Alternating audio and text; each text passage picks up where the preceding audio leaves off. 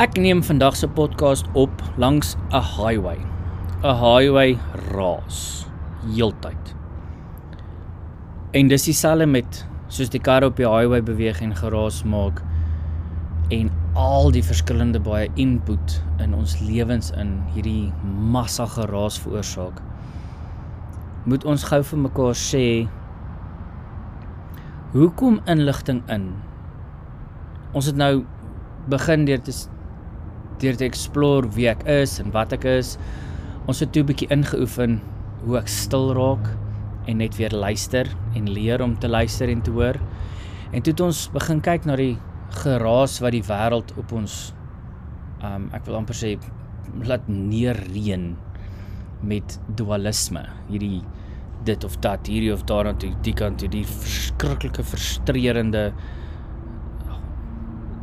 disharmony uit harmonie uit lewe wêreld wat maak dat ons net nie vrede kan vind nie. So ons moet dit iewers anders gaan soek. Ons moet dit ten spyte van die geraas rondom ons en daarom dat ek vandag met jou wil praat met die geraas in die agtergrond. Laat jy kan oefen of ietsie hoor van hoe om hoe om dit uit te sny en in te zone, in te zoom op God. En ons gaan net 'n paar skills of perspektiewe kry oor hoe is dit wat ons inligting inneem? Hoe weet ons wat ons weet? Hoe kry ons die inligting en waar kry ons dit? En dit kan 'n vreeslike filosofie gesprek, filosofiese gesprek raak, maar ek wil dit so eenvoudig as moontlik in die maklikste terme as moontlik. Laat ons begin praat hieroor en laat dit deel is van die raamwerk waarmee ons na God toe kom. As ons vir God sê ek wil graag weet wie U is, ek wil U leer ken, moet ons sien watter inligting ons uitfilter en weggooi en watter inligting ons toelaat. So ons moet iets verstaan van hoe ons brein werk. Hoe is ons gebou? En hoe is ons breine aangepas in die laaste paar 100 jaar om God te begin uitsny en daarom dat ons sukkel om geestelik te groei. So welkom by die Wat is waarheid podcast.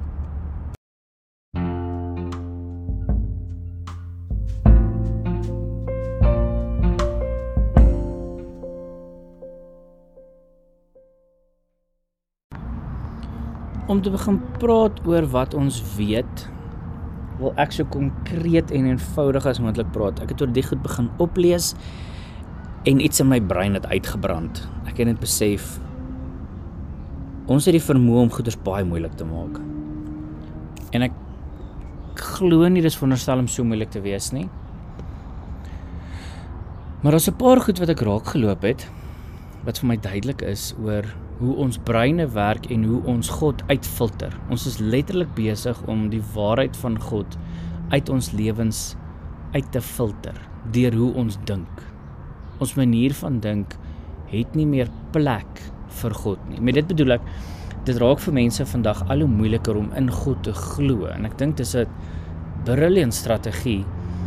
Ehm um, as jy nou deel is van die kamp wat sê die Satan loop rond soos 'n brullende leeu wat Jesus ook erken het, so daar's iets om te sê daar. Maar dis 'n briljante strategie om ons te verwar deur ons blind te maak. Dan kan ek vir jou sê daar is 'n ding, maar jy gaan vir my sê nee, dit is nie want ek kan dit nie sien nie. Want jy glo, jy kan dit wat jy sien is waar. So hoor hier's 'n omdat jy glo wat jy glo, is 'n klomp goeders klaar vir jou toe. So jy glo net wat jy kan sien is waar en ek probeer vir jou iets deurskynend wys. En dan kan jy vir my sê maar dit is nie waar nie op grond van wat jy glo. OK. So sonder om dit te complicated te maak, het ek gedink ek gaan net 3 prentjies wat in die um wêreld rond lê, inligting wat ek in die hande gekry het, net 3 prentjies vir jou gee waarmee ons ietsie leer of ietsie begin besef van hoe ons breine werk en ons gaan dit toepas op ons geestelike groei. Ons gaan dan na God toe gaan en sê maar hoe keer my brein soos wat hy nou opgestel is, soos wat hy nou in mekaar gesit is, hoe keer my brein my om U te sien, om God te volg. Goed. Hier kom die eerste een. Optical illusions. As jy nie weet waarvan ek praat nie, Google dit gou. Dis daai prentjies wat jou een ding wys en dan is daar 'n weggesteekte prentjie ook in hom. Nou ek het so een gekry Daar's baie, ek love dit. Dit is lekker om weet jou kop moet skuif en jou oë moet anders sien en dis dis lekker dit maak vir 'n lekker challenge of 'n puzzle. En ek het een gekry van 'n oerwoud wat iemand gemaak het. Dis net so 'n vreeslike groen mosbedekte oerwoud. Maar as jy mooi kyk, is daar 'n klomp diere wat mens nie kan sien as jy nie die eerste keer kyk nie, maar as ek vir jou sê watter diere daar is, dan begin jy hulle raak sien. Nou die hele idee agter die ding is dat daar is goed wat ons nie kan sien nie omdat ons breine dit uitfilter. Jou brein het filters waardeur hy inligting toelaat omdat hy met mind maps werk. Jou brein weet hoe die wêreld werk. So as jy iets sien, dan sit hy dit in 'n kategorie en hy weet wat hy sien. Hy hoef nie verder daaroor te dink nie. Hy hoef nie regtig verder inligting in te neem nie. Voorbeeld. Jy ry met jou kar, jy hoef nie te dink oor klatstrap en ratte draai, ratte verander nie. Dit kom van self, hoe meer geoefen jy raak. As jy nou nog nie kar ry nie, is iets soos tandeborsel of fietsry of aantrek of enigiets wat ons oor en oor doen, raak so 'n gewoonte dat jou brein nie meer nodig het om aandag daaraan te gee nie. So as jy nuwe inligting inkry, dan moet iets regtig anders lyk. Dit moet erg anders lyk vir jou om agter te kom dat iets niets hier so is. Byvoorbeeld, jy borsel tande elke oggend. Jy stap in by die badkamer, tel jou tande borsel op, sit die tandepasta op, borsel jou tande, spoel jou mond uit, sit die goeders terug. Een oggend kom jy daar en die tandepasta buisie lyk anders. As jy dit op jou tandepasta sit, proe dit anders. Ag op jou tandeborsel sit, dan proe dit anders. So jy het nuwe tandepasta. Nou registreer jou brein net nuwe tandepasta. Dalk het jou ma nuus gekoop of jou vrou het nuus gekoop. So jy gaan aan. Dit maak nie reg saak nie. As jy nie van die smaak hou nie, dan kan jy dit sê as jy nie omgee oor die smaak nie, dan gaan jy aan in die borsel net voort. So dis Dis 'n klein verandering wat jy oplet, maar maak nie verskil nie. As jy in jou garage instap en die kar wat jy gewoond is daar staan of jou fiets wat jy gewoonlik ry of ook al jy vervoer word en daar is skielik 'n heeltemal ander kar in plaas van 'n Toyota staan daar 'n Nissan in plaas van 'n sedan staan daar 'n bakkie. Dan gaan jy oplet. Iets is anders hier, so dit het 'n baie groter invloed want iemand het jou kar geruil. Dis onmoontlik. Dis nie normaal nie. So jou brein weet, sommige goed is heeltemal vreemd, ander goeters is oukei. Okay. So hy laat sekere inligting makliker deur, ander inligting gaan hy vir jou rooi rooi ligte op opskiet en sê hoorie, hier is nie goed nie, jy moet aandag gee. Hiersoos iets fout, jy moet meer dink.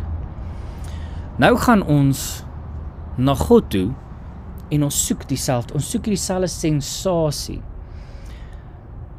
Iemand het ons geleer en ons dis in ons elke dag, dis oral wat ons stadig maar seker getrein word dat God nie regtig kan bestaan nie. Dit maak nie heeltemal sin in ons wetenskaplike wêreld nie. Jy hoor dit op baie plekke. Dis die dit dis die aanname in musiek, dis die aanname in moderne films, in um, reekse wat jy kyk omdat hulle probeer neutraal wees van die produksie huise af omdat jou ouens wat flieks maak en in ehm um, series is maak moet neutraal wees. Hulle kan nie Christendom of wat ook al voortrek nie.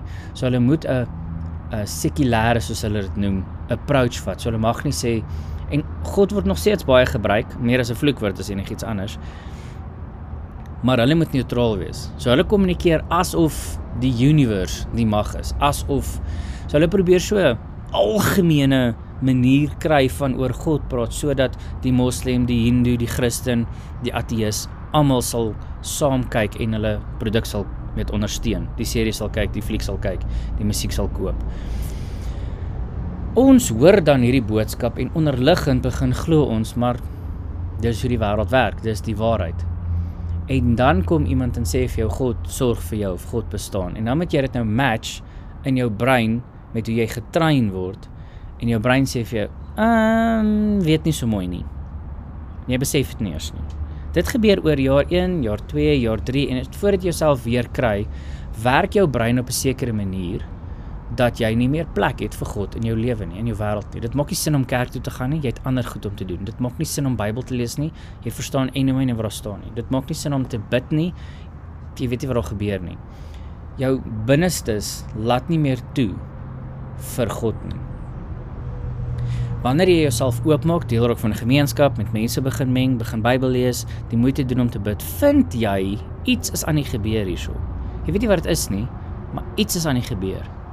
Iets trek jou nader en nader en dan begin jy geestelik groei. Eers begin dit stadig. Dit gebeur dalk in groot ervarings. Ehm um, so dit verskil maar van persoon tot persoon, maar dis jou brein wat aanpas by hierdie nuwe realiteit. So hy maak hom toe vir waarheid of hy raak oop vir nuwe inputs. So dis wat optical illusions ons leer is as jy daai prentjie gaan kyk en as jy op die webwerf die PDF gaan aflaai, het ek die prentjie daar vir gesit of jy kan net Google, jy kan sê optical illusion forest. Ek dink die ding het 'n naam, maar kan nie nou onthou wat dit is nie. Maar as ek dan vir jou sê daar's 'n dier en 'n sloth en 'n krokodil en 'n olifant en 'n slang, gaan jy my nie die eerste keer glo nie totdat jy mooier kyk en dan gaan jy begin raak sien maar wragtig dit is daar. So jy weet eers waarvoor om te kyk as jy weet waarvoor om te kyk. Jy kan dit eers sien as jy weet dis daar.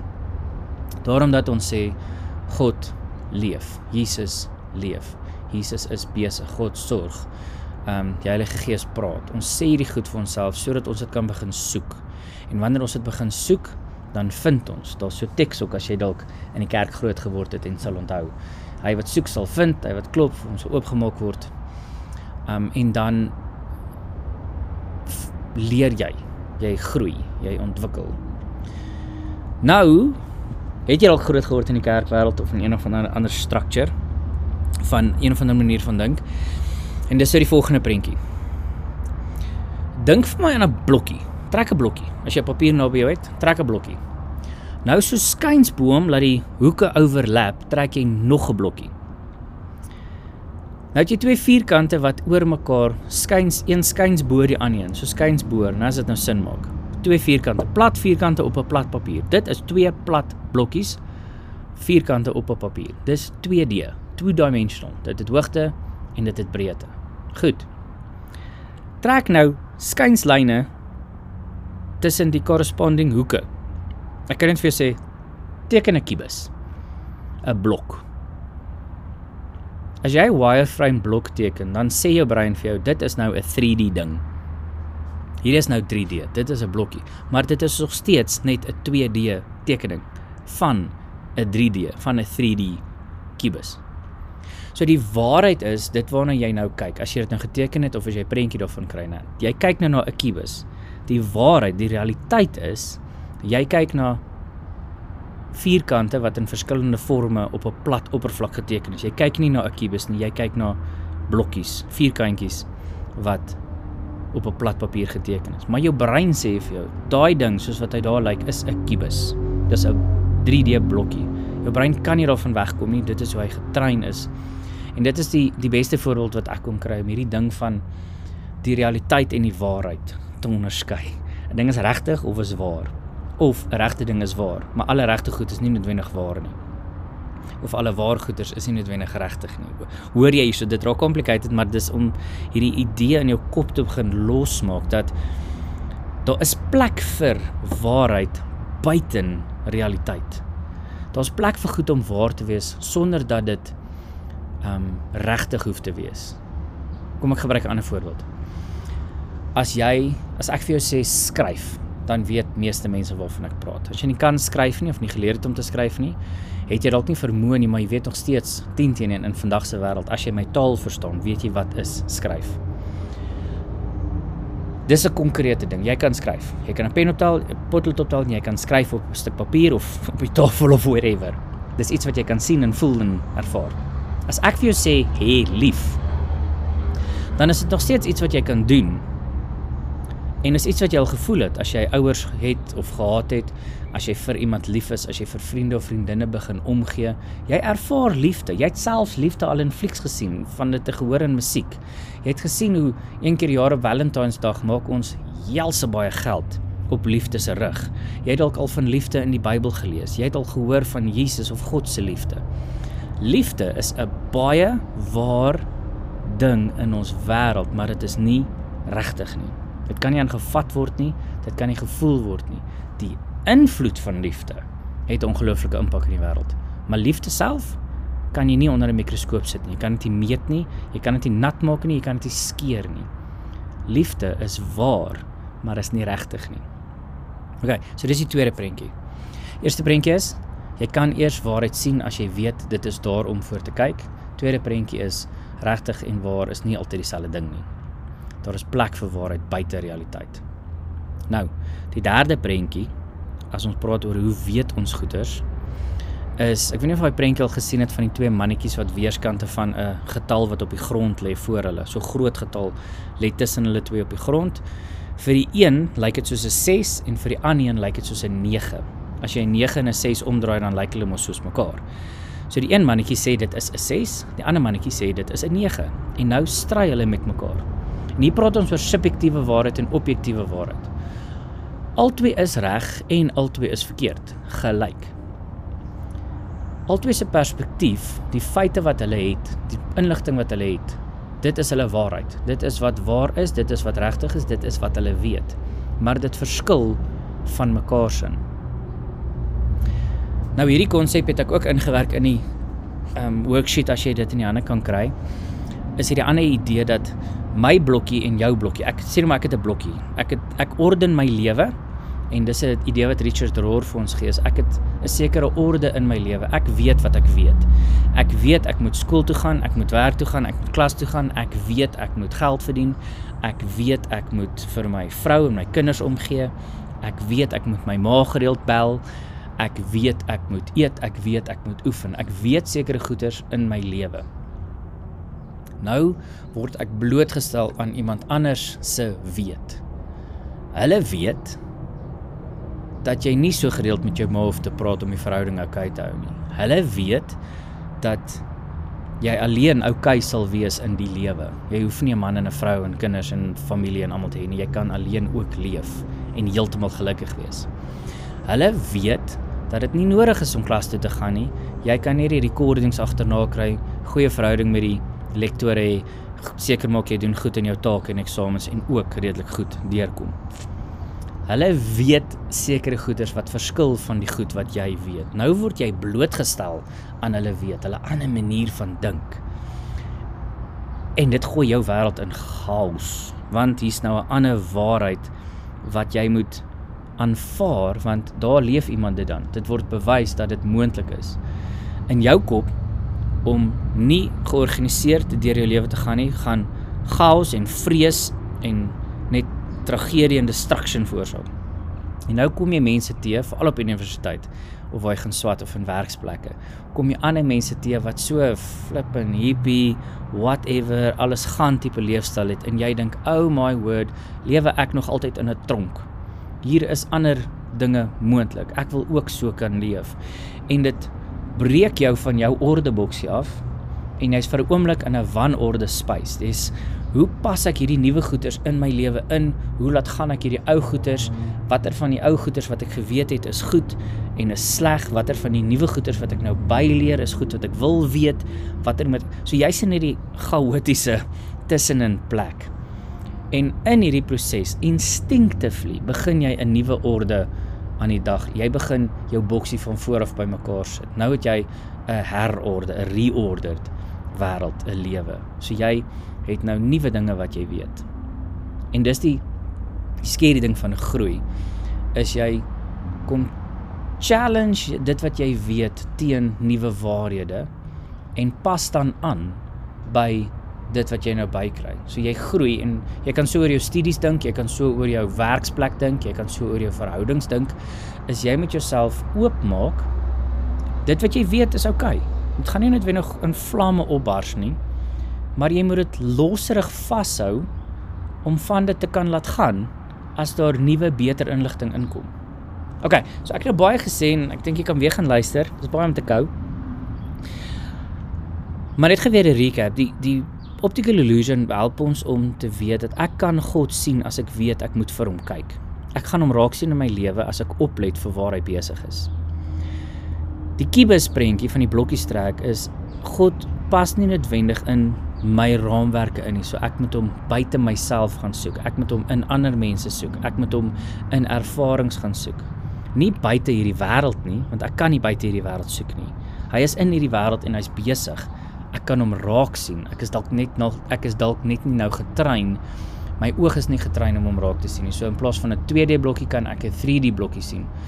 Maar ek moet ook kan weet dat daai 3D blokkie eintlik maar net twee blokkies is. Ek moet vir myself kan sê ek moet losmaak van die waarhede waaraan ek vashou sodat ek nuwe waarhede kan inneem. Maar ek moet seker genoeg wees dat die nuwe waarhede my nie van koers afgooi nie. Iemand wat van my verskil kan dalk verkeerd wees, maar ek kan dalk ook reg wees. So dis die twee mannetjies wat weerskante van die 6 of die 9 staan is. Ons moet saam en jy moet in 'n veilige omgewing leer. Iemand kan vir jou kom leer dat God jou wil ryk maak.